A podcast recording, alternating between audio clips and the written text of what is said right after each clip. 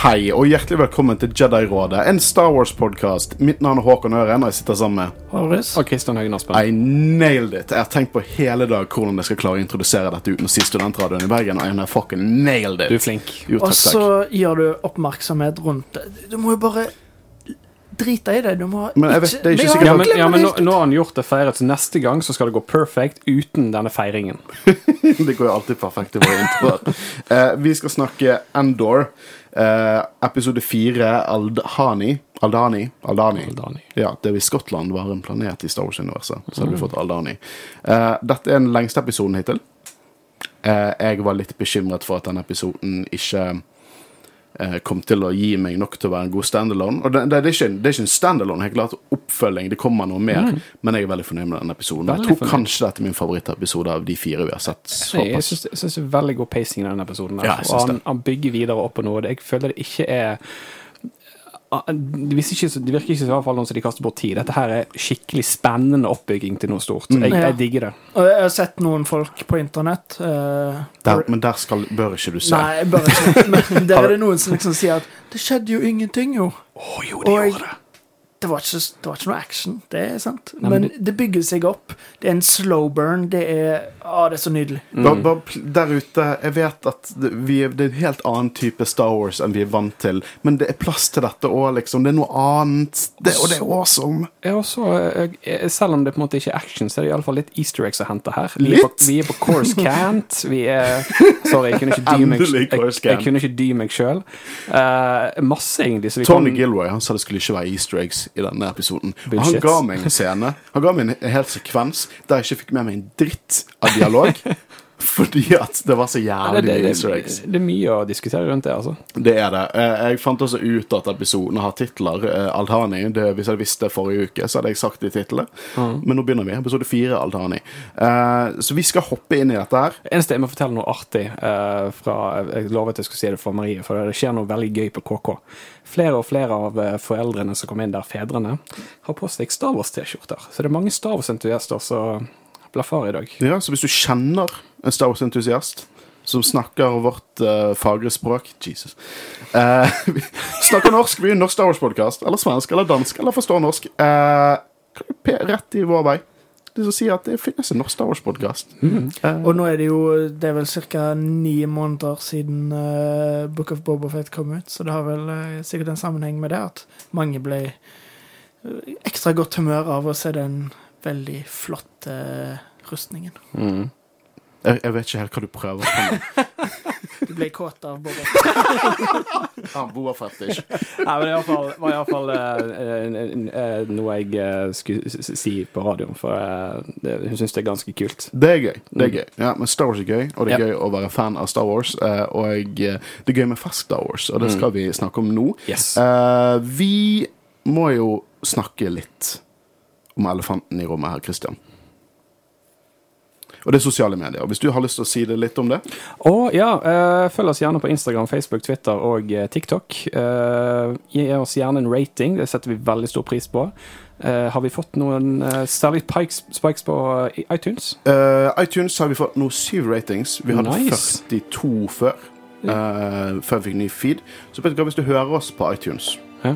og gi oss en liten rating, så litt et par fine ord. Det er Ja. veldig eh, utrolig kjekt. Setter veldig pris på det. Vi gjør det. Uh, men vi skal jo hoppe inn i litt law. Er er det noe jeg har glemt? Har, har, har vi fått dekket alt nå? Også fra Lauren? Ja, men da hopper jeg videre, da. For vi skal snakke om Endor episode 4, Aldhani.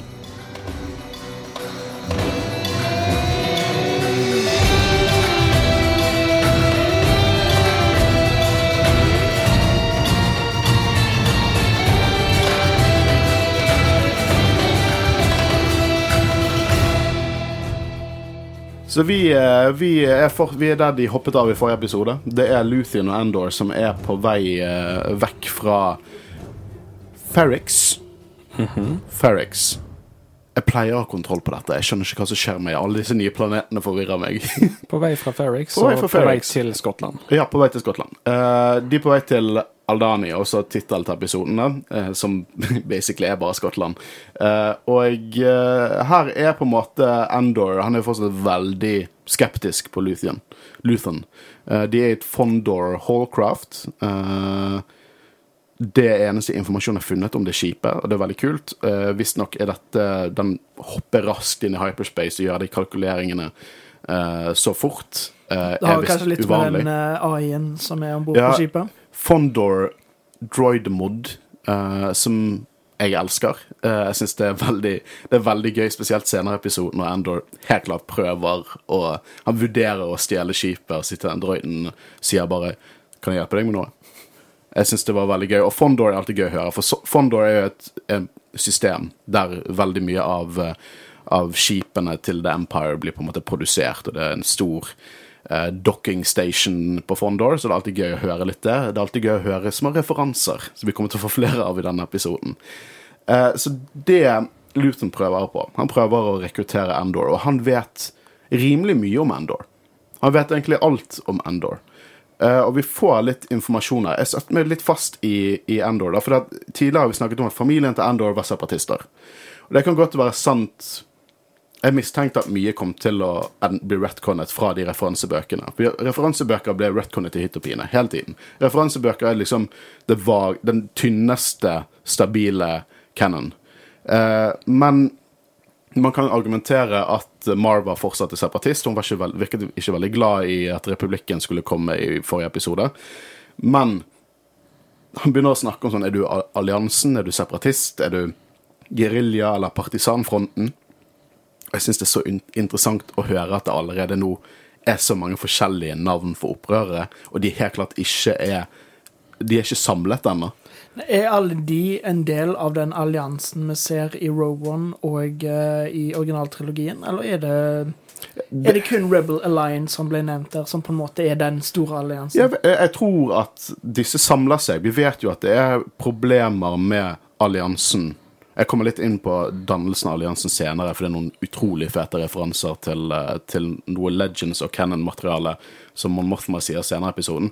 Men eh, alliansen vi hører her, kan umulig være alliansen sånn som vi vet hva det er, på en måte. Nei, for nå på dette tidspunktet er det vel bare fullt av celler. De er fullt av celler. Og det er celler innad celler. Det er helt Det er små pockets of fermenting, eh, som en viss Linus Mosk eh, sa. Og det er veldig gøy å høre det. At han, har, han, han snakker litt sånn som Gin Urso snakker i, i i Rogue One, liksom.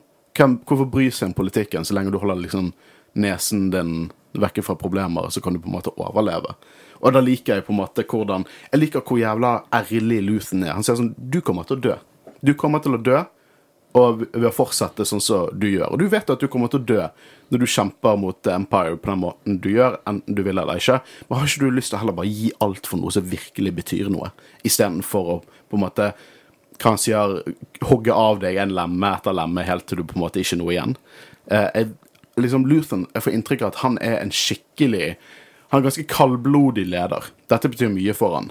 Han er ganske Jeg vil ikke si fanatisk. Men han, han, han er på en måte Han har stålkontroll på dette. Han føles som en spymaster. Han tar ikke imot noe bullshit, på en måte. Og jeg liker denne scenen i begynnelsen av episoden utrolig godt, fordi vi Det er for det første veldig bra skrevet dialog, men vi lærer mer om begge karakterene. Og eh, jeg syns det er interessant å se hvordan Andor er nå, fordi som du sa, han er ganske lik Jyn Erso, sånn som hun var, så det blir spennende å se om overgangen til Andor fra Rogue One uh, i løpet av serien. Hvordan han på en måte blir en del av saken. Fordi i Rogue One så sier han jo at han har vært en del av saken i årevis, men får på en måte ikke inntrykk av det her. At han, han er litt sånn, i hvert fall Her virker det mer som han er mer opptatt av å overleve enn å på en måte gjøre noe stort, på en måte. Ja, for det, man kan jo sitte og tenke litt på det og kritisere han litt da, for hvordan han snakket i Rogue One til Gin Erso.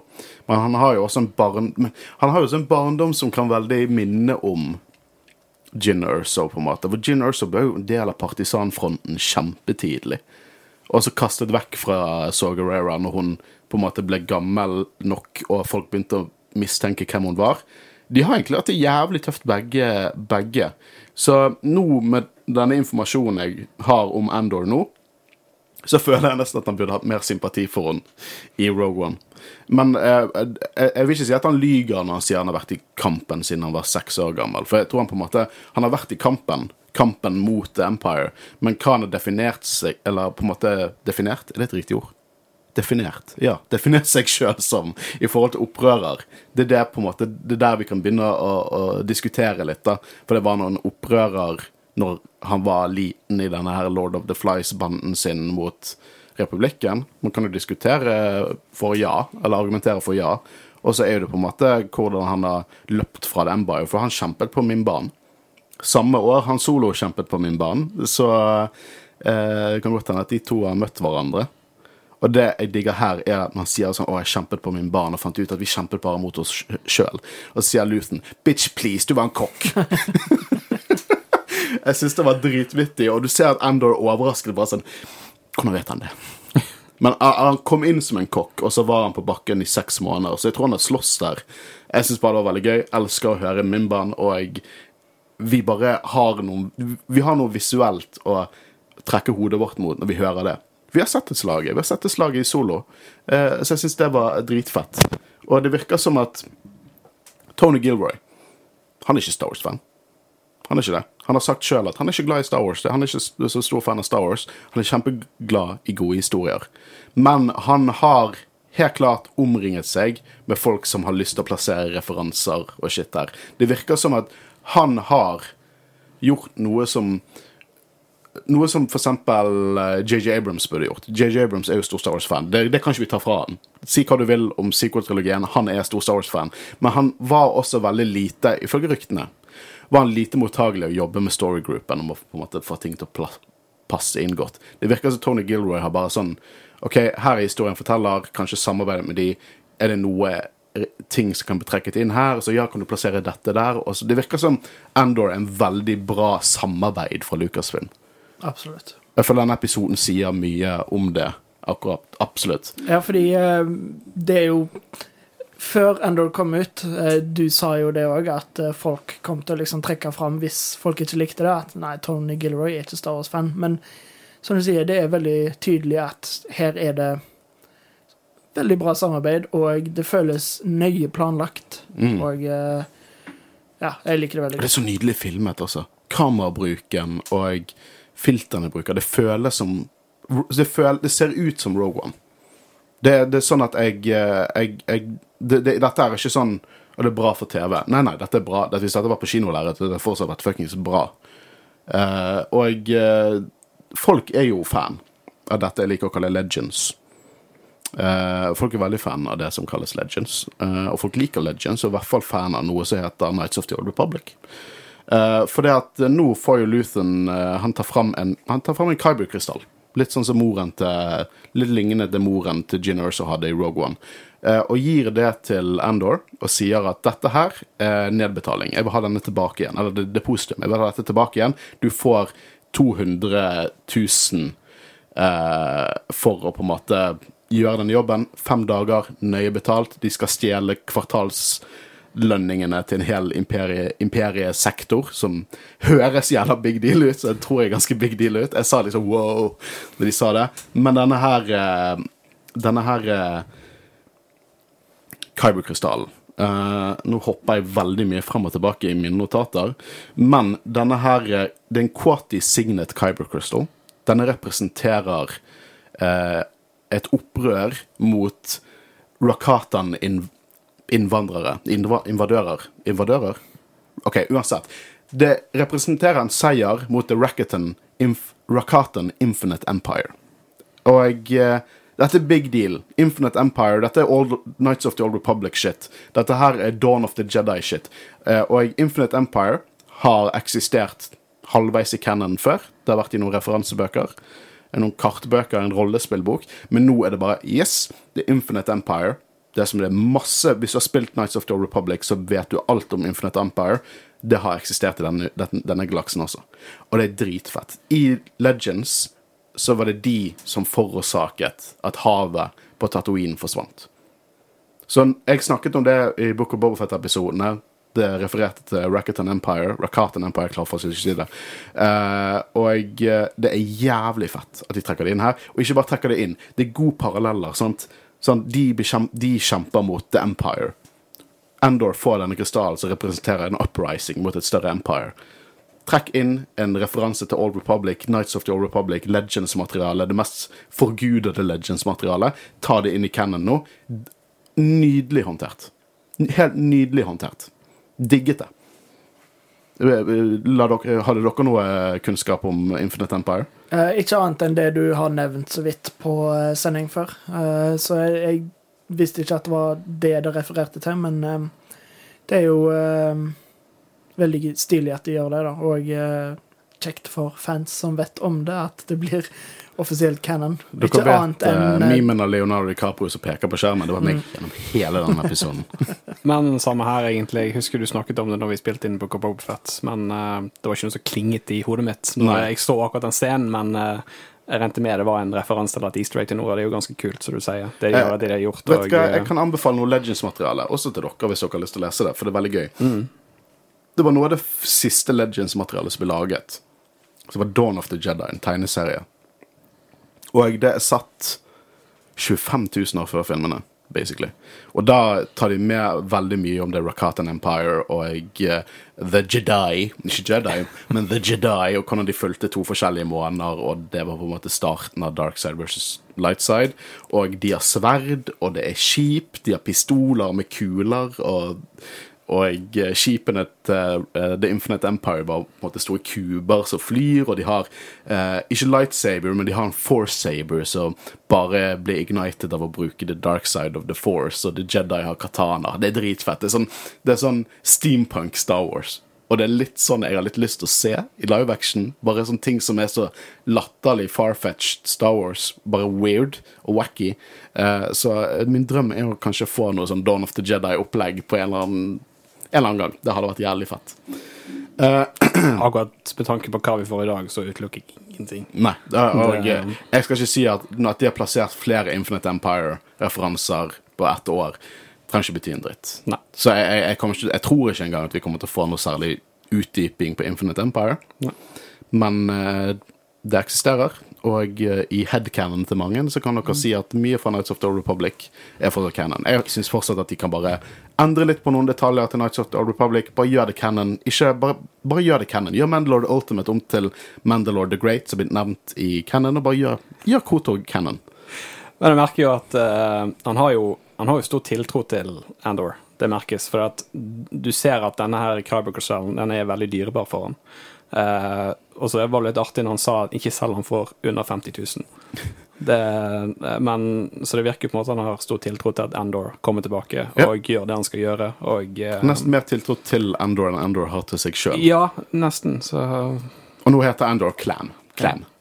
Som er bare første navnet han tanke kom på på. at uh, i, Rogue One, Rouge One um, Så ser du jo at den tiltroen Han har jo blitt en stor opprører. Ja, han blitt en leder. Ja, så eh, du vet jo at eh, han gjorde det riktige valget med å stole på han. Ja, absolutt.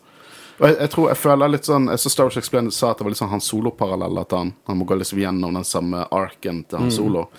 Uh, men jeg tror han kommer til å være fortere for saken enn han solo var. Eller, for han solo Jo, han solo kom ganske fort til saken, men han var fortsatt veldig han solo. Jeg tror, han, jeg tror Andor kommer til å bli veldig profesjonell opprører etter hvert. Eh, også fordi at han har en helt annen mentor enn han solo hadde. Eh, Tobias Beckett, nå kunne jeg navnet hans, uh, var jo basically mørkere Han Solo. Ikke det engang, han var Han Solo. Og Han Solo ble til han, og så ble han trukket mer inn i det i originaltrilogien. Her på en måte du, har du Endor som bare virker som en trøblete kid, basically. Eh, og så har han denne mentoren, denne harde mentoren i, i Luthen, og så skal på en måte bli spymaster. Og da syns jeg også at det gir mer dybde i den karakterutviklingen vi ser i Rogue One. Hvordan han finner ut at ordres, det er ikke alltid det er det, er det beste å følge. Av og til så må man tenke sjøl som et individ for å gjøre det riktige. Og jeg, jeg syns det er det er, som, eh, det er som Star Wars er poesi. Det, det liksom det rimer, som en stor Josh Lucas en gang sa. Men apropos eh, Rouge One, nå er vi på Chorus Cant. Og det lengste vi har vært der, gutter. Å, det ser nydelig ut. Jeg digger det. Jeg elsker at vi er på Coruscant. Når du på en måte kom over planeten, og det sto Coruscant, så bare frysning over Ja. hele kroppen. Åh. Fy faen. Vet du hva jeg elsker? At det er mer som sånn New York på 70-tallet enn det er liksom shiny og gyllent. Ja, men det, det syns jeg er kult. Altså, Nå hopper jo jeg litt frem, da, men dette med eh, fra prequel-trilogien med at det er en togstasjon, og her i denne her serien så er det en flyplass. Sant? Det er- det er konge. Det, er konge. det, og det ser fantastisk ut. Ja. Eh, og her møter vi en ny karakter, en som jeg tror kommer til å bli en enda større karakter, eh, som er Daedra Miro.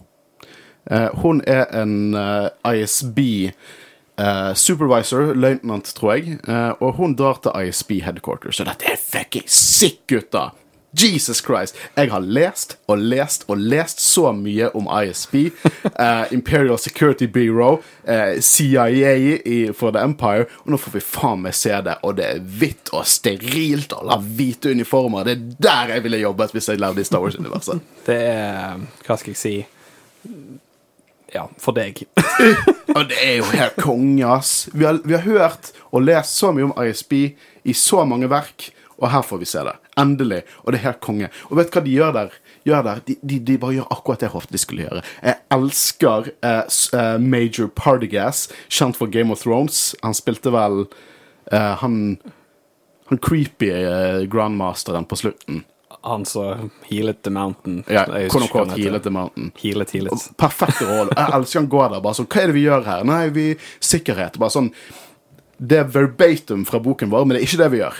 Vi er healthcare providers. Vi finner sykdom, og vi eliminerer den sykdommen. Om den kommer utenfra eller innenfra. Bare- og fjerner den. Bare å si den setningen 'kurerer sykdom', når du tenker på hva egentlig det betyr. Ja. Støtter du fortsatt Empire?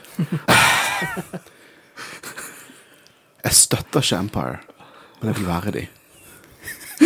det er jo så dope. Jeg elsker det hvordan han går der og bare sånn eh, Folk som er under han som er inkompetente, man kjøtter de fuckings ned. Jeg digger det. Det er masse navn her inne. Jeg har ikke lyst til å gå gjennom hva hver eneste person heter før de har gjort noe som jeg føler har betydning for, eller de har eksistert før de kom her. Mange nye navn her. Eh, Jeg har lyst til å snakke litt om at det er noen som snakker om Arvala 6 som må være i samme system som Aravala 7, der Mando fant Grogu. Så det var en kul liten referanse. Uh, I notatene mine står her det er bare en setning der det står Ah, The Empire. Som jeg er veldig glad i. Uh, vi møter en av, uh, av um, Deirdre sine, sine rivaler, da, Blevin. Og han snakker om hendelsen vi så på Ferrix. Og da blir hun veldig interessert når hun hører om denne Starpath-uniten. Eh, for den viser seg å være stjålet fra hennes område. For hun har, min, hun, hun har to sektorer hun styrer. Blevin har seks. Mens jeg viser fem fingre. Eh, sånn er det når jeg eh, Vi er ikke filmet. Det går fint.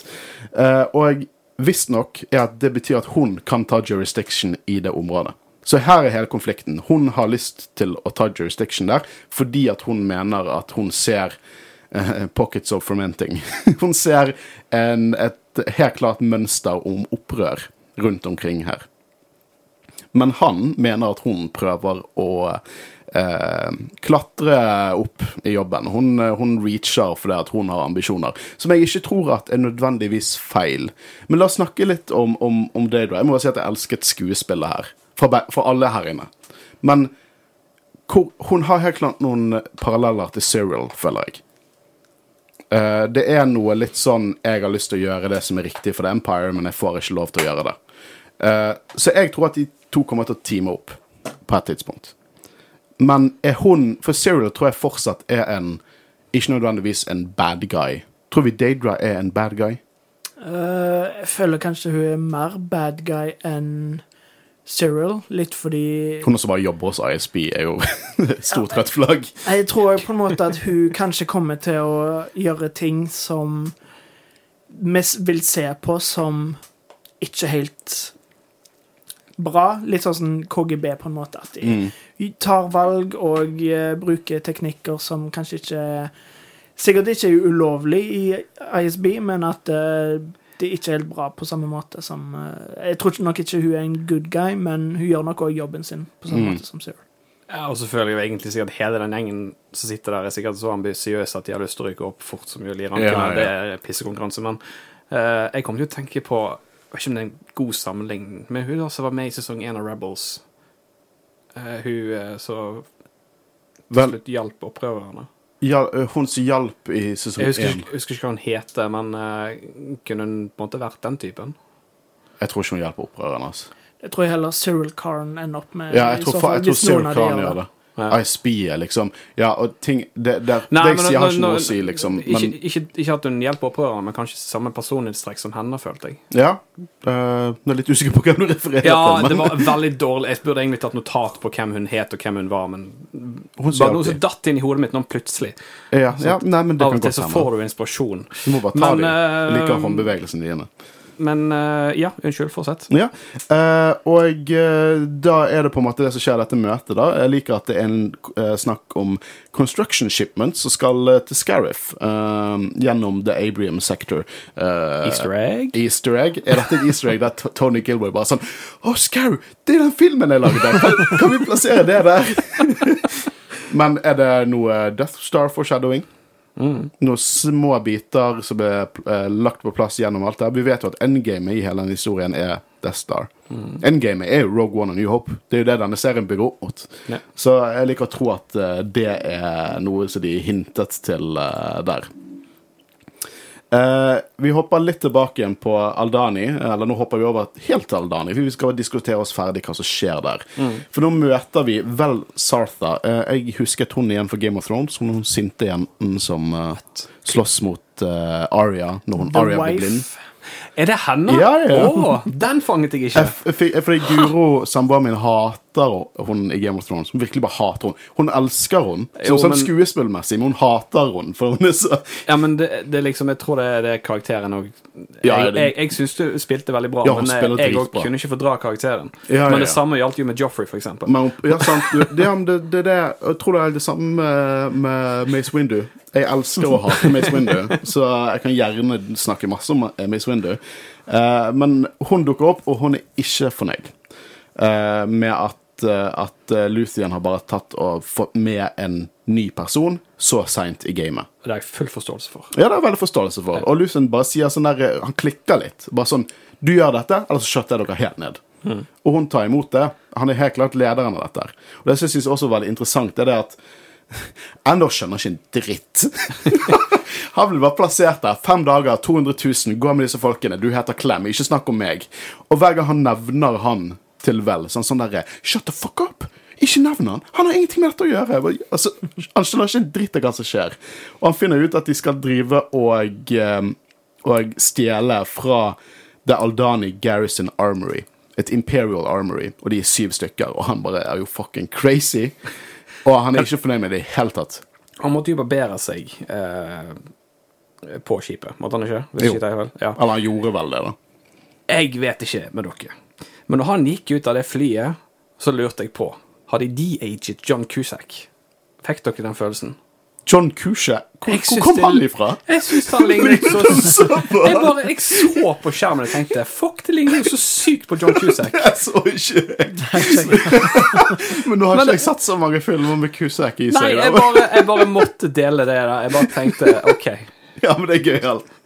Uh, jeg har aldri synes at Tie Fighters har vært mer scary enn i denne scenen. Og jeg serien. elsket den her når han fløy over. Og det var Åh, så scary. Fett, ass. Vet du hva som er sykt? Det har gått fire episoder.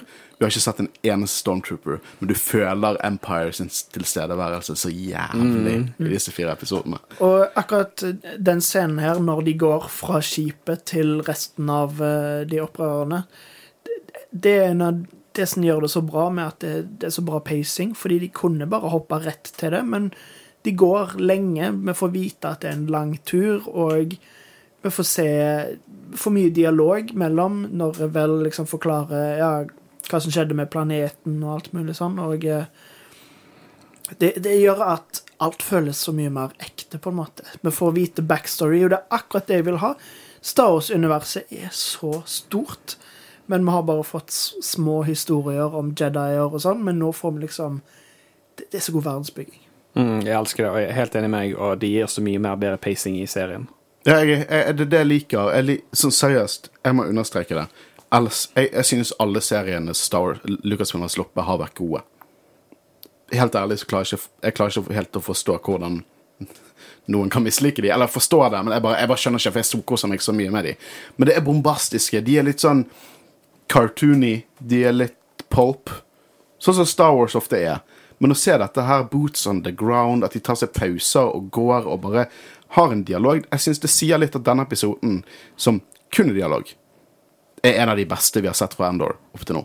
Jeg har så tro på denne serien, og jeg bare jeg bare gleder meg til å se resten. Jeg bare hater at jeg ikke kan se alt nå. Jeg virkelig hater det. Men jeg må gå gjennom den, eh, den hver jævla gang. Eh, nå eh, viser det seg at eh, de er på Aldani, og, de, og du får litt backstory på Aldani. For Visstnok var det over 40 000 Aldanis som bodde i det området, men de ble pushet sør når Empire kom dit. Eh, for det Aldani har, eh, er så uheldig at det er nærheten av ingenting, men det er ikke for langt vekke for alt. Så det er perfekt for å distribusjon og industri og den slags ting. I fucking love it! Det er, sånn, det er så masse paralleller til ekte kolonialisme, liksom. Og hvordan de sånn Amerika og alt dette her. Jeg syns det er kjempefascinerende. Jeg synes Det er så fascinerende. Sånn, å ja, her var det en gruve. Så Empire fant ut at det er bratte lag, lager, da, så vi bare blokkerer denne hem, liksom hellige elven og bare tar alt over. Faen, jeg digger det. Jeg digger verdensbyggingen så jævla mye. Helt fantastisk. Uh, vi møter en sovende kid, uh, og jeg ble vekket av uh, sin rebel buddy. Eh, og her liker det også veldig godt. Han sier eh, hvis, du hadde, hvis du hadde runnet i crewet til Mossy, Garvish eller Sogarera, så hadde de kuttet av hodet ditt og satt det på en pike og ledd av det. Så sånn Shit. Jeg digger det. Jeg vet ikke hvem Mossy og Garvish er, men jeg vet veldig godt hvem Sogarera er, og jeg digger at han har det ryktet på seg.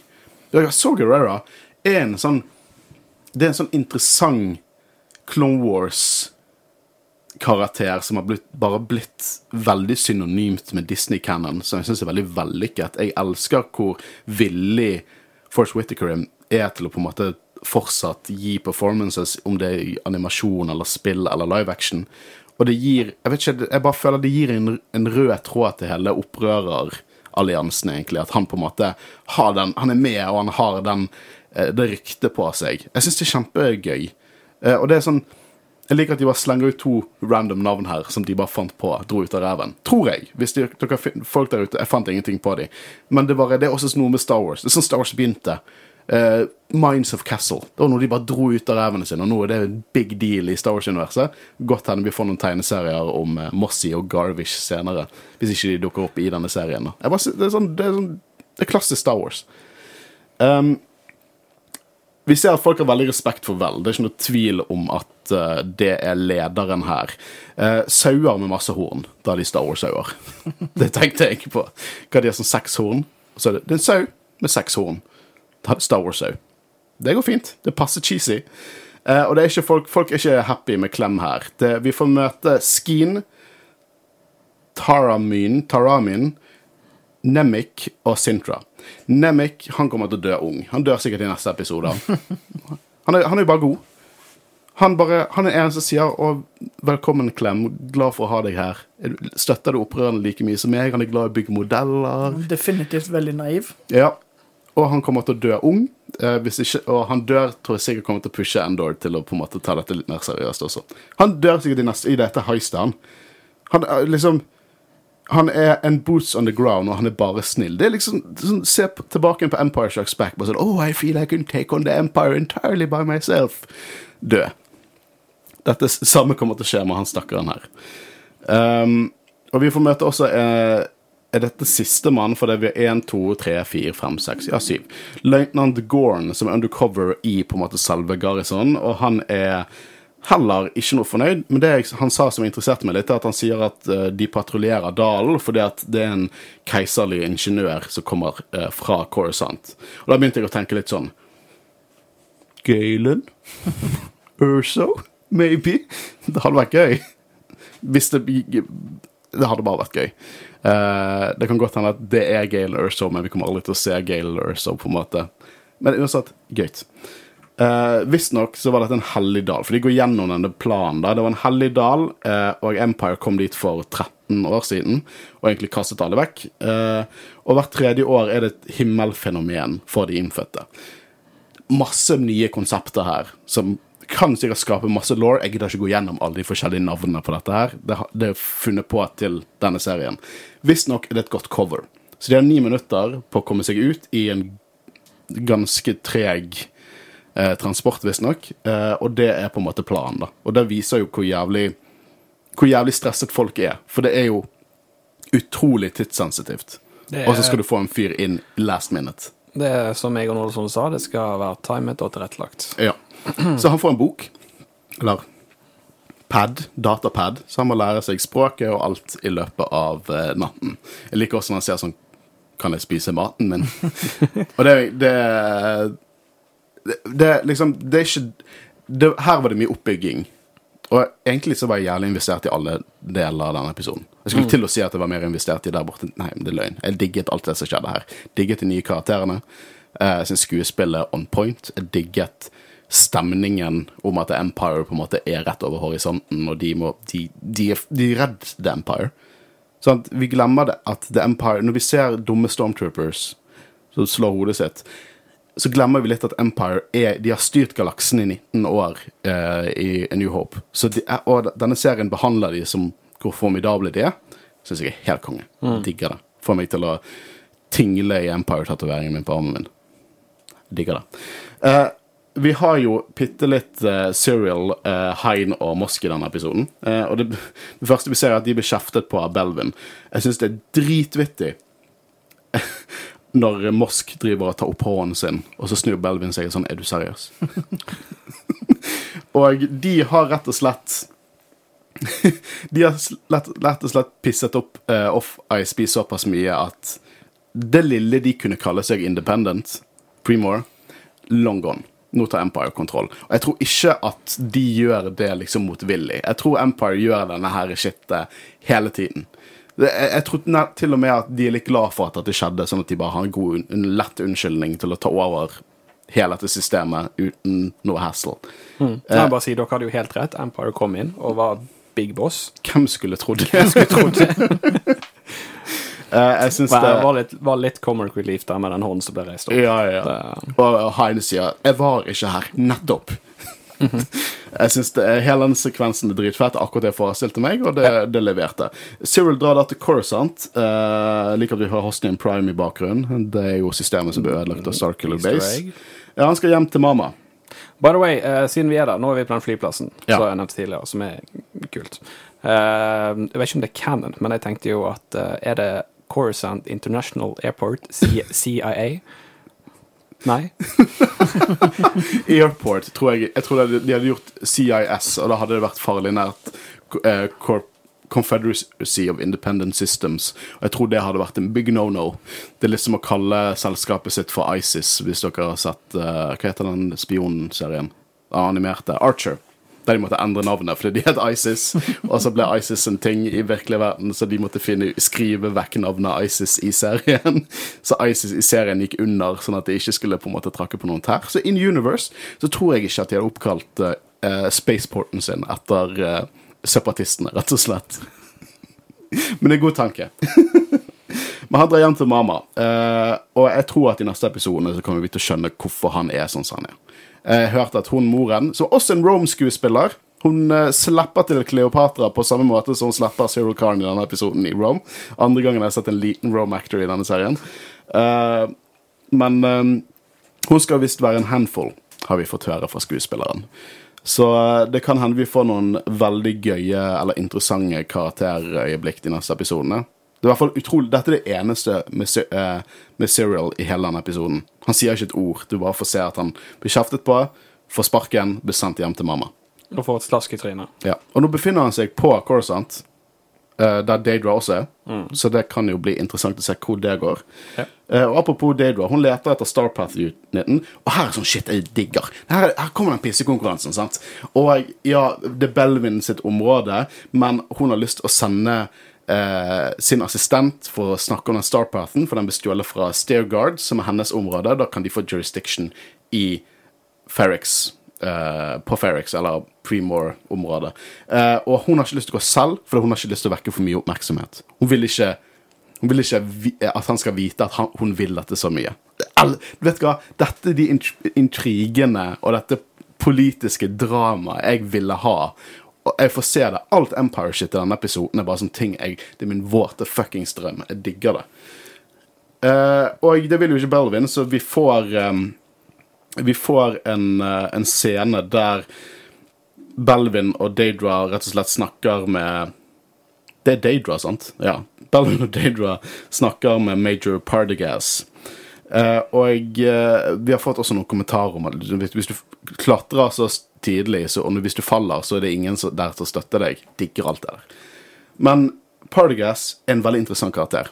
Pardigas han har sagt alt dette om sykdom. Han virker som en sånn klassisk Tarkin-type. Jeg tror ikke han er det. Jeg tror at han er litt mer menneskelig.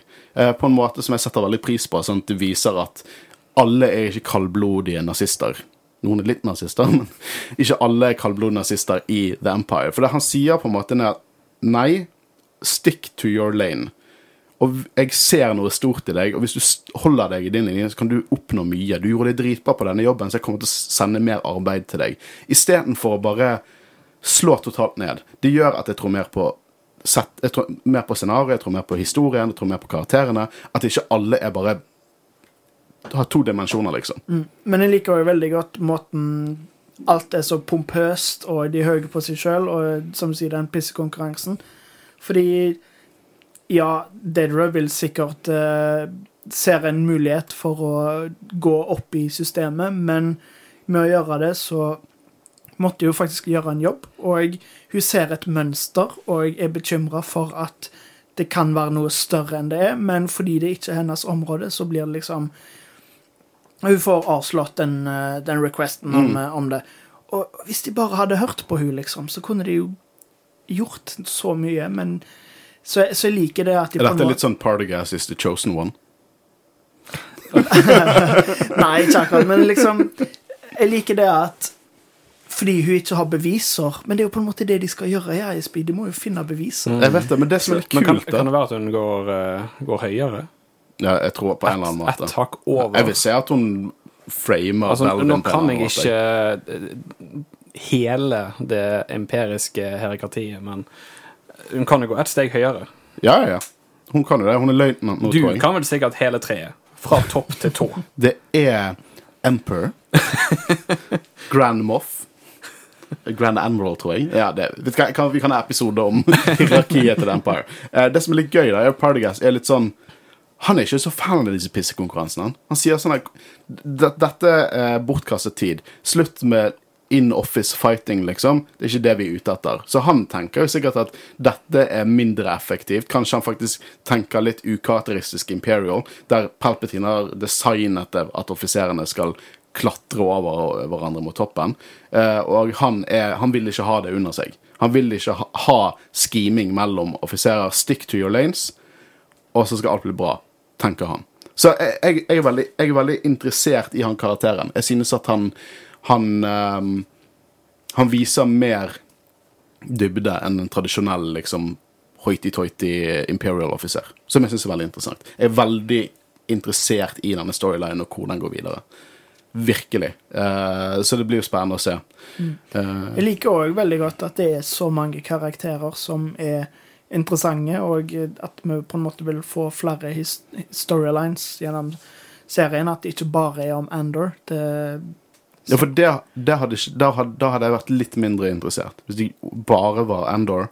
For dessverre, Endor er ikke stor nok karakter til at bare historier rundt Endor noe som hadde fanget meg. Selvfølgelig kunne det fanget meg hvis det var bra laget, men jeg elsker at ja, han er hovedpersonen her, men det er veldig mange forskjellige hovedpersoner. Ja, altså liksom, vi, vi følger Andor, men på en måte det, vi følger òg ting som skjer rundt han. Ja.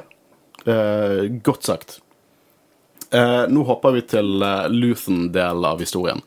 Eh, jeg elsker Når han kommer til Coruscant, jeg elsker når han tar på seg masken sin. The makeover. ikke Ja. bare bokstavelig talt, men at han òg på en måte øver på å smile og liksom akkurat sånn stirrer i spe- speil og prøver liksom bare uh, Ja, prøver å vise at Ja, OK, nå er jeg der. Og så Ja, det er veldig gøy. Og jeg, jeg digger at han er liksom en antikvitetsselger. For det, det er så jævlig awesome cover. For han reiser rundt omkring i galaksen. Hvorfor? Skal skaffe gamle gjenstander, og selge. Hvor får vi my mye penger fra? Rike folk som kjøper gamle, gammel shit. Eller rik, som egentlig rike folk som støtter The Rebellion. Jeg elsker det. Jeg elsker hvor jævla strengt det er, hvor nervøs han er, men han på en måte må holde hodet sitt over vann. Og jeg, jeg syns dette er dritfett. Jeg synes det er dritfett. Og det er så troverdig cover å ha. Uh, helt konge. Og det er så mange gode skuespillere fra denne serien, ass. Seriøst. Det kan kanskje bli min favorittserie i hele Star Wars. Ja, altså, de, de har gjort en veldig god jobb. Altså, dette her er en av mine live action-favorittepisoder. Ja, Altså, av enig. Eh, av litt sånn andre grunner enn hvorfor noen av favorittepisodene i Mandalorian Der er det veldig, det er veldig Star Wars, klassisk Star Wars. Dette her er veldig Det er bare en god historie, ass. Sånn Star Wars eller ikke, dette er bare en jævlig god historie. Det kunne vært hva som helst annet, og det hadde fortsatt vært en god historie. Eh, men vi får se butikken til Luthen, og Huh. Her er det mye shit å ta fra hverandre. Um, det var her etter jeg så scenen at jeg var et slett sånn Sa de noe? Var det noe dialog under denne sekvensen?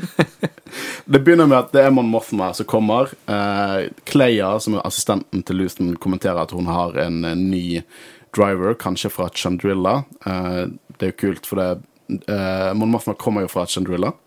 Chandrilla vil bli uh, av republikken eh, i begynnelsen av The New Republic. Og så begynner det setet å flytte seg, så i løpet av Force Awakens er det på Hosnian Prime, men eh, det er alltid gøy å høre Chandrilla. Jeg føler det er liksom bokcanon som har nå kommet inn i live action. Men hun kommer inn der, og hun skal ha en gave til mannen sin. Og da skal Luthen eh, hjelpe hun. Og, og uh, han er glad i militærhistorie. Hvem er ikke glad i Star Wars militærhistorie? Det er det dopeste som finnes. Og det er jævlig mye pakke eh, Det er jævlig mye referanser her. Dritmye referanser. Jeg ønsker jeg var i det rommet. Hele den episoden kunne bare vært en sånn, sånn VR-greie der Luthen går rundt og bare forklarer hva alt er. Han tar på seg eh, liksom bomullshansker. Det er akkurat det jeg gjør når jeg viser folk hottoysene mine. Sånn her kan du se på de, ikke være veldig dyr. jeg digget dette. You do? Ja, jeg har bomullshansker for hottoysene. Okay, okay. Eller ikke når jeg bare tar på dem, hvis jeg skal gi dem en ny positur. Jeg kjøpte bomullshansker på, på apoteket. Så vasker jeg dem etter hvert. Men ja, jeg bruker bomullshansker når jeg håndterer dem. Guro har samme reaksjon du, du har nå. Unnskyld, altså det, det, det, Ja. Du vet at det er oljer i, Ja, ja. i huden, din som Ja, men- kan skade hottoys. Jo, men jeg burde Ja, jeg, faktisk burde jeg gjort det samme. Har du en sånn eksistensiell krise som samler nå? I hvert fall hvis du håndterer sverd som har karbonstål. For jeg vet at du har noen Game of Ja, for det var Thrones-sverd i akkurat de jeg tenkte på. For jeg ser jo på det etter jeg har tatt på det. Vet du hva? Jeg skal gå og kjøpe bomullhansker. Jeg, jeg kan sende deg en link til noen sånne bra ting å ha. Ja, takk, takk, takk. Ja, litt Ja. kit. Også en liten sminke, sminkebørste som jeg bruker til å Jeg har det. OK, tilbake til Andor. Uh, vi får se en Kalikori. Uh, vi har vel ikke kommet helt dit i Rebels ennå, for deg. Eh, Men en Kalikori er jo på en måte en fysisk representasjon på en Twi'lek sin uh, slektstre. Så det er på en måte Det ser litt ut som det er lekkuene til en Twi'lek, og hver ny generasjon eh, legger til en del på den. Så Vi ser det i bakgrunnen, som er veldig kult å se. Vi ser det sykeste shitet ever, for dette er ikke Legends. Dette var ikke Legends til Legends, dette var What If til Legends. Så dypt er dette her. For vi ser Sith Stalker Armor fra Force Unleashed. Ja. Eller hjelmen, i hvert fall. Med noen merkelige ting oppå hodet. Men i bakgrunnen så har vi hjelmen til Starkiller for Force Unleashed. Og det er clear as fucking day. Første gang jeg har sett Fast Star Wars, og jeg måtte pause og ta opp et bilde. Gikk rett bort til TV-en min og bare sånn Dette er det jeg ser på. Ha, det la ikke jeg merke til. Det er helt sj- Nei, jeg tenkte ikke over det. Jeg ser jo òg pisken til Indiana Jones i, uh, I Carbonite. I Carbonite ja. Og Mandalorian Armor den er litt vanskelig å ikke se. Den er jo rett på display der. Uh, en Utapowen Monk Cudgel. Eh, den hadde ikke jeg kjent igjen, men han sier hva det er. Så, uh, vi ser en Wookie-hjelm. Uh, vi ser World Between Worldstein Tablets. Eh, Der er vi heller ikke kommet ennå. der har vi heller ikke kommet ennå, men det er dope. For de som vet hva det er. Eh, vi ser Sith og Jedi-holocroner. Det er ikke så spesielt lenger, for jeg føler hvis skal dere ha easter eggs i en samling i Star Wars, holocrons. Eh, og så ser, vet jeg at noen har kommentert at det er en Gungan Shield som ligger der inne. Jeg har ikke sett det sjøl. Det har jeg ikke sett selv. Alt det andre har jeg, fått bekreft, har jeg bekreftet. Ikke sett Gungens kile, men jeg har sett det fra flere kilder, så jeg antar at det er riktig. Og det er sikkert tusenvis av andre referanser der Mm. uh, som jeg ikke har fått med nå. Uh, men det var dope. Det var skikkelig dope. Jeg elsker designet til Starkiller sin hjelm fra det spillet. Det er sånn, det er what if du blir bad guy i det spillet. Sånn, what if du tar en bad ending? Så det var ikke canon i Legends engang. Det er what if i Legends, og nå er det canon. Uh, jeg likte ikke helt at han var sånne svære spyd stikkende opp av hjelmen. Uh, liksom, dere kan gå litt mer basic, men det var dritfett at det var der. Og Det sånn, det vil si at noen Det vil si at noen hos Lucasfilm er stor fan av det spillet. For det er litt sånn Det er litt sånn nisjereferanse, sant? Og det er ikke sånn at de har props fra det. Så noen har satt seg ned og laget den jævla hjelmen for å plassere den i bakgrunnen av denne scenen. Jeg syns det er så jævlig fett. Uh. um, så de går bak, og da går masken av til Mon Mothma og Luthen, og de snakker om penger, og Mon Mothma har problemer med å fortsette pengeflyten, så hun er fullt inne i opprørergamet nå med Luthen, og hun er dritbekymret. Eh, Og hun snakker liksom om at hvis de går ned nå, så er hun den første som går. Hun stoler ikke på noen folk. Hun, den nye sjåføren er der. Hun vet ikke hvem han er. Hun føler seg under siege. Og hun har lyst til å bringe en ny en inn i uh, den indre sirkelen, noe som Luthen bare sier nei, det skjer ikke. Uh, Men det, det er noe jeg digger med den serien òg, at det, det er ganske dyster stemning. For vi ser jo at Luthen og Mon på en måte to sterke ledere som kjemper for mot imperiet, de er selv bekymret Livredd. for å bevege seg i hele tatt ut døren sin. Og det, er- det, jeg elsker den stemningen. elsker det, jeg òg. Jeg syns det er så fett. Men dette er sånn som gir mer dybde til originaltrilogien. Da vi vet hvordan det Empire er. For det er canon. Det er ikke bare, er ikke bare idiot stormtroopers, liksom. The Empire er en A force to be reckoned with. Ja. De er scary, de er dominerende, og disse folkene er livredde. Disse mektige, store folkene er livredde.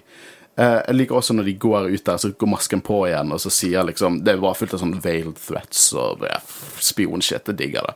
Men hvem er denne personen hun har lyst til å ta inn med i en indre sirkel? Er det Bale? Jeg vil nå tro at Bale allerede er involvert. Ja, men er han, er han en som lar andre store folk inn Hun er en keiserlig senator. Tror du han lar hun bare vite om det? For det, vi vet jo alt er, er fullt av celler nå. Ingen, folk jobber med ting. Folk stoler ikke på hverandre. sant? Hvem kan du snakke med? Hvem kan du på en måte Det er jo helt klart stemningen at du ikke, hvis du jobber mot Empire og har tanken om at noen andre også gjør det, så må du få det bekreftet 110 For kan det være Bale? Kan det til og med være Saw Gerrera? Og at noe shit, at shit mellom alliansen og Saw Gerrera skjer etter dette her? Jeg føler Det kan være mange, men jeg regner med det er noen vi er kjent med. Ja. Men jeg tror ikke det, jeg tror ikke det er Soka.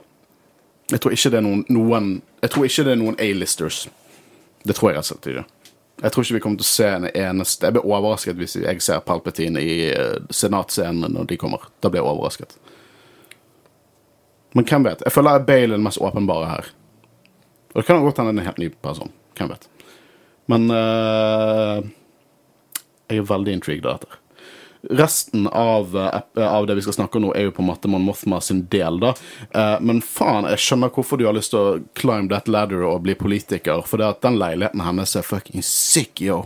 Har bon hun har life-sized bonsai- bonsai-tre. Er det en ting? Eller bare tre. Stikke ned fra taket. Det ser dope ut. Sykeste leiligheten jeg har sett i IRL eller fiction. Uh, og da får vi møte hennes um, uh, mann. Trophy husband. Eller uh, sånn frat boy. som er Perrin Firtha. uh, og han vil bare ha det gøy. Hvorfor må alt være kjedelig og trist når man kan ha det gøy? Og han har invitert til, eh, til middag uh, for å ære the governor of Hannah, som også er hovedstaten på Chandrilla. Lurer på om vi så en som lignet litt på Valorum um, um, i trailerne. Eh, om det er kanskje en person hun refererte til. Han, jeg tror ikke det er Valorum, jeg tror det er en ny karakter. Eller det er Governor of Hannah. Jeg vet ikke, men det virker som en person som hun på en måte confide in, da, stolte på. Så kanskje det er en person de snakket om tidligere. Uh, men det skal være middag der, uh, og det er to personer som er invadert, invadert, invitert. Og det er Ars Dango og Sly Moore. Og da sa jeg nei. For jeg levde meg så jævlig inn i det. Bare sånn Nei, du kan ikke ha Sly Moore på middagsbesøk til Mon Mothma. Er du fuckings crazy? Og det, det liksom Invitere liksom Hannibal Lecter til frokost, liksom. Du, du, kan ikke, du kan ikke gjøre det. Og dette er fun people, ifølge ektemannen. For Slymore, hun har dere sett. The Embaran kaller de hun. For hun er fra Embara. Hun er en force adept. Og en person som er fullt og helt klar over at Sheev Palpatine er Darth Sidious. Hun er, hun er der oppe med pappa Palpatine, liksom. Det er, det er indre sirkel. Og hun har, hun har The Force. Hun har en type The Force, og der, hun kan påvirke andre sitt sinn. Dette er scary people. Uh, og han andre, R. Stangor, uh, har litt legends på han, men uh, i Star Wars Cannon så har han hovedsakelig vært med i bøkene som James Lucino har skrevet, altså Rogue One Catalyst og Tarkin. Eh, også ganske nær advisor til Palpatine. Så dette, dette er scary people, ass. Dette, Jeg gleder meg så jævlig til å se den middagsscenen. Jeg skulle til å si det samme. Det ble en interessant middag. Ja, absolutt. Eh, jeg håper Bale dukker opp. Jeg håper han sitter i det kjedelige hjørnet med Mon Mothma. Men dette er to jævlig farlige individer, og det er dritfett. Eh, de er liksom politiske fiender til Mon Mothma, og hun er jo litt fra seg. Så liksom hva, hva, faen skal vi gjøre på denne middagen, liksom? Og hun begynner å snakke om en politisk sak hun har. Uh, Gorman. For at, uh, de, disse folkene de snakker om at de vil skjøtte ned supply lines eller noe sånt til Gorman, og det kommer til å bli en, eh, en um, sult der, rett og slett. Hungersnød. Gorman eh, er en deep cut-referanse for både Canon og Legends. I Legends så var det et av de stedene Empire gjorde sin første store liksom massaker. Tarkin parkerte skipet sitt på sånn 2000 fredfulle folk som protesterte, liksom. Eh, Men i Cannon så har vi hørt om det. For i Cannon, i Rebels, i episoden der Mon Mothma virkelig går sånn Jeg er rebel og snakket imot Palpatine, det var av tragedien som skjedde på Gorman. Så dette her er en tidlig oppbygging til hva som ikke skjer for i Rebels. Uh, som jeg syns var dritfett. Om vi ser, Det kan godt hende vi ser Gorman-tragedien, for er, vi vet jo denne serien beveger seg opp, parallelt opp mot med Rebels. Det var i hvert fall dritfett. Så enten vi får se det eller ikke, så er det bare dritfett. Det er bare det connective tis tissue mellom verkene. Og så avslutter vi med en kjempegod sitat. Must everything be boring and sad. I hvert fall i dagene vi må vente på Endor, for dette var dope, gutter. Jeg syns dette var helt konge. Ja, det er akkurat det jeg vil se med ny Star Wars, og eh, det på en måte Når, når Disney Pluss ble en ting, og de sa at de skulle lage serier, og ikke bare filmer, så var det akkurat dette jeg ville ha. Ting som kanskje gjerne går sakte, men sikkert framover, med god pacing og bare verdensbygging og karakterdrama og alt mulig sånn. Og andre sjangre. Ja, det er at folk kan leke seg med sjangre. Det er akkurat det jeg vil ha, og det er gjort på en så god måte så langt i serien. Um, så ja, nei, jeg syns jeg storkoser meg nå. Vet du hva, jeg syns dette her føles som Dette føles som en god bok. Mm. Det føles som en god bok. Det, og jeg er enig, noen skrev um, at eh, det føltes ikke helt som Star Wars. Uh, nei, det gjør ikke. Men det respekterer Star Wars.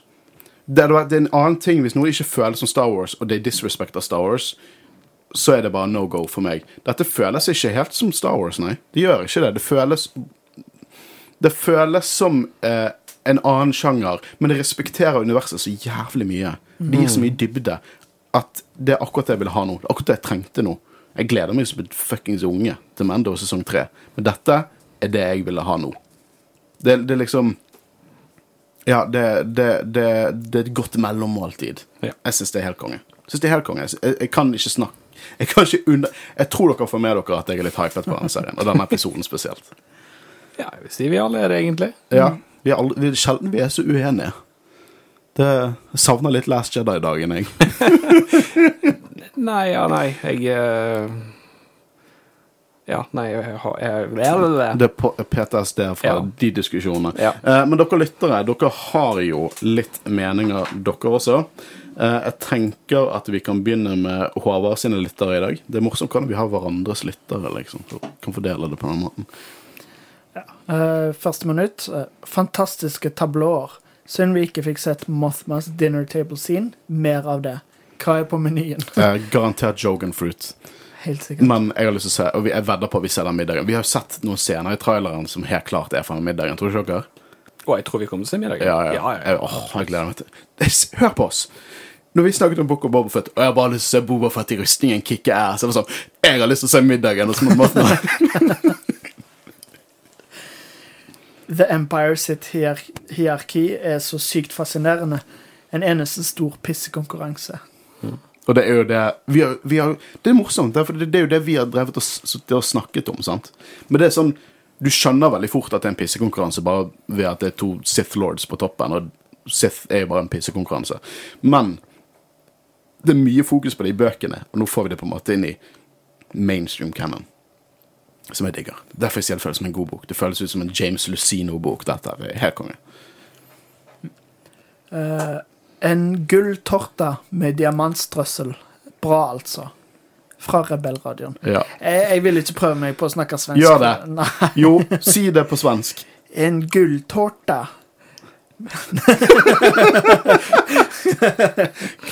ja, det er bra. Eh, Det er kjekt at flere liker serien. Det, er jo, som jeg nevnte, det er et par på internett som eh, Som ikke liker det, virkelig nok, men når jeg leser på Reddit, eh, liksom episode discussions og sånn, det er stort sett alle liker det. Så det er kjekt at eh, at det er noe flere liker, for en gangs skyld. Håkon koser seg vel gløgg med denne. Al Lauren her er sykt i seg selv. Noen må sjekke om han lever. det var, jeg var litt bekymra sjøl i går, men uh, heldigvis. Sist gang du var så bekymret, var vel i den um, Return of the Mandalorian-episoden i Book of Bobofet. Andor bidrar med å gjøre Star Wars for alle. Folk som ikke har likt Star Wars, kan gjøre det nå. Og Det er akkurat det jeg er helt enig i. Det er på en måte en Det er bare en spionserie satt i Star Wars-universet, så jeg tror at folk kan like det selv om de ikke har peiling. Jeg kommer til å, å vise denne serien til, eh, til mine foreldre. De likte Mandalorian. De likte ikke Book of Bobafett. Det ble litt for brutalt for dem. Men eh, de likte veldig godt Mandalorian. Uh, og det var fordi at det, det er det som er kult med Star Wars. Og Mandalorian gjorde akkurat dette også. Mandalorian fikk mange folk inn i fandomen. Fordi at Mandalorian er bare en western. Det, er en, en space-western. Og det der lekte de også til en viss grad med sjangeren. sant? Du gjorde en space western, folk liker western, gå inn der. Du trenger ikke ha noe bakgrunnskunnskap. Og jeg føler at her trenger man strengt talt ikke ha noe bakgrunnskunnskap heller. Det er helt nye karakterer for det meste. Og, eh, og jeg, jeg tror at mange kan komme inn i serien her. Det kan hende folk kan synes at det virker litt tungt, men jeg tror ikke denne serien er tungt for nye Star Wars-fans. Sånn, alle vet at The Empire er the bad guys. det gjorde vondt å si. Men alle vet det. sant? Alle vet Rebels versus Empire. Det er sånn skolegård-canon. Alle vet det. sant? Det har, alle har visst det siden slutten av 70-tallet. Jeg tror mange kan se denne serien uten noe bakgrunnskunnskap og storkose seg med det. For det var en god historie. Hvis du ikke er Star Wars-fan, så er det, det det eneste du trenger, en god historie. Kanskje det blir en basill, sånn at du henger deg mer på, på alt det andre. Men kan Christian snakke om sine lyttere nå? Fra sine lyttere nå? Si det de har sagt til deg. uh, endelig Chorus Cant. Den uttalte du perfekt, Det er akkurat det som står der. Ja, det er akkurat det som står der. Jeg må jo uttale det riktig. Den ga, jeg, jeg humret Men- men- når jeg limte den inn i din. Men jeg, jeg er helt enig. Det er digg å være tilbake, og eh, i hvert fall være på planeten. Mm, det, er det. jo ja. det er godt at den får litt respekt i ny canon, for Mm. det, det har vært altfor lite Coruscant i nye canon. Um, er det utrolig stort uh, rollegalleri i denne serien? Spørsmålstegn. Eller blir jeg glad i alle og vil ha mer? Marva. Ja, uh, han er en stor fan av adoptivmoren til Andor. Men det er et stort uh, rollegalleri. Mm. Men det jeg reagerte på, er jo det jeg blir glad i alle. Så det, nå plutselig, nå introduserte de bare et par nye karakterer, og jeg er kjempefascinert over de også. Og jeg føler jeg har kontroll på det. Jeg tror kanskje det hjelper med den treaktstrukturen deres. Sant? Dette er på en måte, Det er nesten som vi får en film disse tre ukene, så får vi sequel til den filmen de tre neste ukene, og de tar seg tid i dialog og alt, og eh, jeg tror det hjelper at du kan ha så stort For jeg reagerte ikke at det var for mange karakterer, på en måte. Så jeg, jeg føler de har fått det til veldig godt. Det er på en måte Det er jo ikke helt likt Game of Thrones, på en måte, men der får vi jo veldig mange forskjellige historier som blir knytta sammen, og veldig mange karakterer, så det er fullt mulig så lenge det blir gjort på en god måte og bra skrevet karakterer. Så jeg tar gjerne enda flere karakterer som blir introdusert, jeg, og så lenge det blir gjort Du vet på den en god måte. middagsscenen? Liksom, 'Å, det er middag for guvernørene.' Jeg bare sånn Hvilken guvernør? Er er det Tarkin? Veldig rart du kan gjennom seks sesonger bygge opp noe så bra med fantastisk dialog, og så sender det rett ned i sumpen. Ja, men vi liker House of the Dragon, sant? Ja. Tenk House of the Dragon. House det går bra. Christian. House ja, of the fint. Dragon. -hmm, det går Sant? fint, ja. Sesong syv og åtte er ikke en ting. Nei. Det er ikke canon. Um... Han, han virket oppriktig fra seg når han ble min- minnet fra slutten av Game of Thrones. ja, jeg, jeg blir oppriktig lei meg, for at jeg, jeg har dessverre ikke tro lenger på at uh, Winds of Winter kommer, bok nummer seks. Nei, det tror ikke Og da har jeg, jeg har òg veldig mye mindre tro på at det kommer bok nummer sju. Men jeg har egentlig veldig lyst at han skal fullføre. Men nå er han jo for opptatt. Men jeg skal si at jeg er veldig glad han er med på House of Dragon, George R. R. Martin. Mm. For det tror jeg hjelper. Um, og jeg syns de respekterer Altså, den serien er faktisk veldig tro mot boken. Ja, det er det jeg har hørt. Og jeg, var, jeg har ikke vært jarred av timejumpsene. Nei. uh, Det tok litt Det- det nye er- karakterene nå, det- eller nye roller, skuespillerne. Tok, det tok litt tid å bli vant til det, men etter hvert så var jeg der liksom med på det. Men, men ja, jeg, at de uh, følger boken så bra, det liker jeg veldig godt. Uh, det er en ting faktisk, eneste tingen jeg biter meg merke til, er noe som skjedde i den siste episoden. Hvis dere har sett den, så kan vi diskutere det etterpå, men jeg skal ikke ta live. Eller live. Men uh, unnskyld, det var ikke meningen å spore av. Nei, jeg skylder på Håvard. Det er Håvard som feil. eh, litt lite aliens, altså. Mye folk i bra kostymer. Men sånn er det vel når Empire driver rasepolitikk. Ha-ha. Hei, Tarkin var blå, og han fikk lov til å være med i det. Nei, Thrawn var blå. han fikk lov til å være med i Empire. Nei, de er rasister. De er bunch of racists. Men eh, jeg føler Rogue One har litt problemer også. Jeg skulle gjerne at en av hovedpersonene var en alien. Um, men jeg lurer på om det kanskje er et valg fra Tony Gilroy. At han heller vil ha mennesker som ekter med fjeset sitt som hovedpersoner, enn at det skal være noen under et kostyme. Så jeg, jeg tror kanskje det er rett og slett et sånt valg. Jeg tror, jeg tror Hvis, eh, hvis eh, John Favreau hadde laget dette, så hadde garantert en av de vært en alien. Eh, Han Solo og Cassian var på Mimban, Yes. sa? Du sa det bedre enn jeg gjorde det. Ah, ja, samtidig. Jeg sa min band. Min band. Bedre. Band, samtidig. Ja. Ja, det virker jo sånn. Ja. Får en liten, bitte liten tegneserie der de var sånn dunker an i hverandre. Det er umulig de slåss mot hverandre, siden det ble vi sa Nei, men jeg liksom- tror de mente mer at du slåss jo bare mot de inn, innfødte der, som på en måte egentlig ikke hadde noe med noe å gjøre, liksom. Jeg tror det var det han mente. Jeg tror han var Imperial, på en måte. Eh, AK-47. Ja. Det syns jeg var utrolig gøy å bare se så Det er bare det. det. De har jo gjort andre ting for den, men det, jeg bare syns det er gøy hvor mange som har hengt seg opp i det. Og ja, de kunne, de kunne gjort litt mer dubbeditter på den. Jeg er enig, men jeg syns det er veldig gøy hvordan folk er bare sånn Jesus Christ, det er bare en AK. Eh, veldig kult med en yngre Mon Mothma. Bra casting, synes jeg. Konge. Eh, Genevieve O'Reilly, tror jeg hun heter. Yeah. Ja. Helt kongeskuespill. Latterlig bra skuespill. Jeg er så jævlig glad på hennes vegne. Hun var deleted scene i Revenge of the Sith. når hun spilte rollen sin i, i uh, Rogue One. Hun har spilt rollen sin i Rebels, og nå spiller hun rollen sin i Endor også. Vi får se mer Mon Mothma her enn vi har fått sett on screen noen annen gang. Kombinert. Uh, hun bare Hun skriker og gammel Nå skal jeg, jeg Unnskyld, jeg husker ikke navnet hun som spilte den originalt, men jeg, jeg kjøper at det er samme karakter. Mer enn jeg har gjort noen andre karakterer. Jeg kjøper mer at det er samme karakter enn at jeg kjøper Ewan McGregor og, og Alec Innes er samme karakter. Og jeg kjøper at de er samme karakter. Ikke hat meg. Men hun nailer rollen som Matma. Hun er likbar, og skuespillet er on fucking point. Jeg, det er acting. Det er konge. Elsker Mon Mothma. Og jeg elsker det denne serien gjør, for det gjør at det blir mer Mon Mathma stiger gradvis i liksom mine favorittkarakterer oppover. Og når jeg sier det om en good guy, quote unquote bad guy, så sier det litt. Så jeg, jeg gleder meg til å se mer Mon Mothma. Jeg gleder meg til å se de senatscenene. Jeg gleder meg som en unge til å se middagsscenen. Uh, så dette blir gøy. Uh, men jeg har to litt lengre som jeg tok på meg i dag. Uh, vi må bare si tusen takk til alle som sender inn. Vi kan ikke ta med absolutt alt som kommer, for vi får en del som vi setter utrolig stor pris på. Men vi leser absolutt alle sammen, så tusen takk for det, og keep it coming. Men her Holy Jar Jar, nå snakker vi. da ser vi resultatet av oppbyggingen i de tre første episodene av Endor. Episode fire tar det opp på et nivå, og jeg digger det. Et innblikk i The Empire som vi aldri har sett før, og, de og at de egenrådige egoister som bare ønsker å klatre oppover stigen. Gnistene av The Rebellion oppstår ved hjelp av personer som opprinnelig er fra The Empire. Jævlig kult. Så fall denne selen er av rebeller som vi ser her.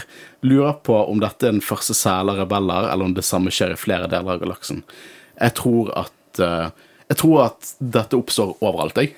Jeg tror, jeg tror dette oppsto det sekundet The Empire ble en ting, rundt omkring til en viss grad. Og jeg tror at det store problemet til uh, The Rebellion nå er at de er så divided. Jeg tror de må lære å stole på hverandre før de kan bli noe som egentlig kan gjøre en stor dent i bulken, som er det Eller bul, dent i bulken. Bulk i bilen, så er det Empire, for å si det sånn. Jeg tror, det, jeg tror mye av denne serien kommer til å handle litt om det, hvordan de særlig finner hverandre. Absolutt. Og jeg syns det er kjempeinteressant. I hvert fall når de driver nevner at de har hørt om andre celler og på en måte dette med Saw Gerrera og alt det der. Jeg syns det er dritfett. Eh, Neste er Min utålmodige as synes det gikk litt treigt i de forrige episodene, med veldig høy produksjonsnivå. Men episode fire synes jeg ikke gjorde noe feil. Koste meg gjennom hele. Utrolig fett med Alex Lawther, som gjør en så koselig karakter. Eh, Det er vel han modellbyggeren. Eh, gleder meg til neste uke. Shout-out til antikvarbutikk-scene med easter eggs i hytt og pine. Alt fra Starkiller til en Twi'lek Calicori. Eh, veldig enig her. Eller, ja, jeg, jeg likte jo de forrige oppbyggingen i de tre forrige episodene, men jeg tror også at de slapp de tre i ett. Hjalp utrolig mye. Mm. Tror, ba, med de tre, de var heldige. Jeg lurer nesten på om de tok det valget ganske sent at disse tre er så på, på en måte knyttet at de må bli sluppet samtidig. Og det var perfekt oppbygging.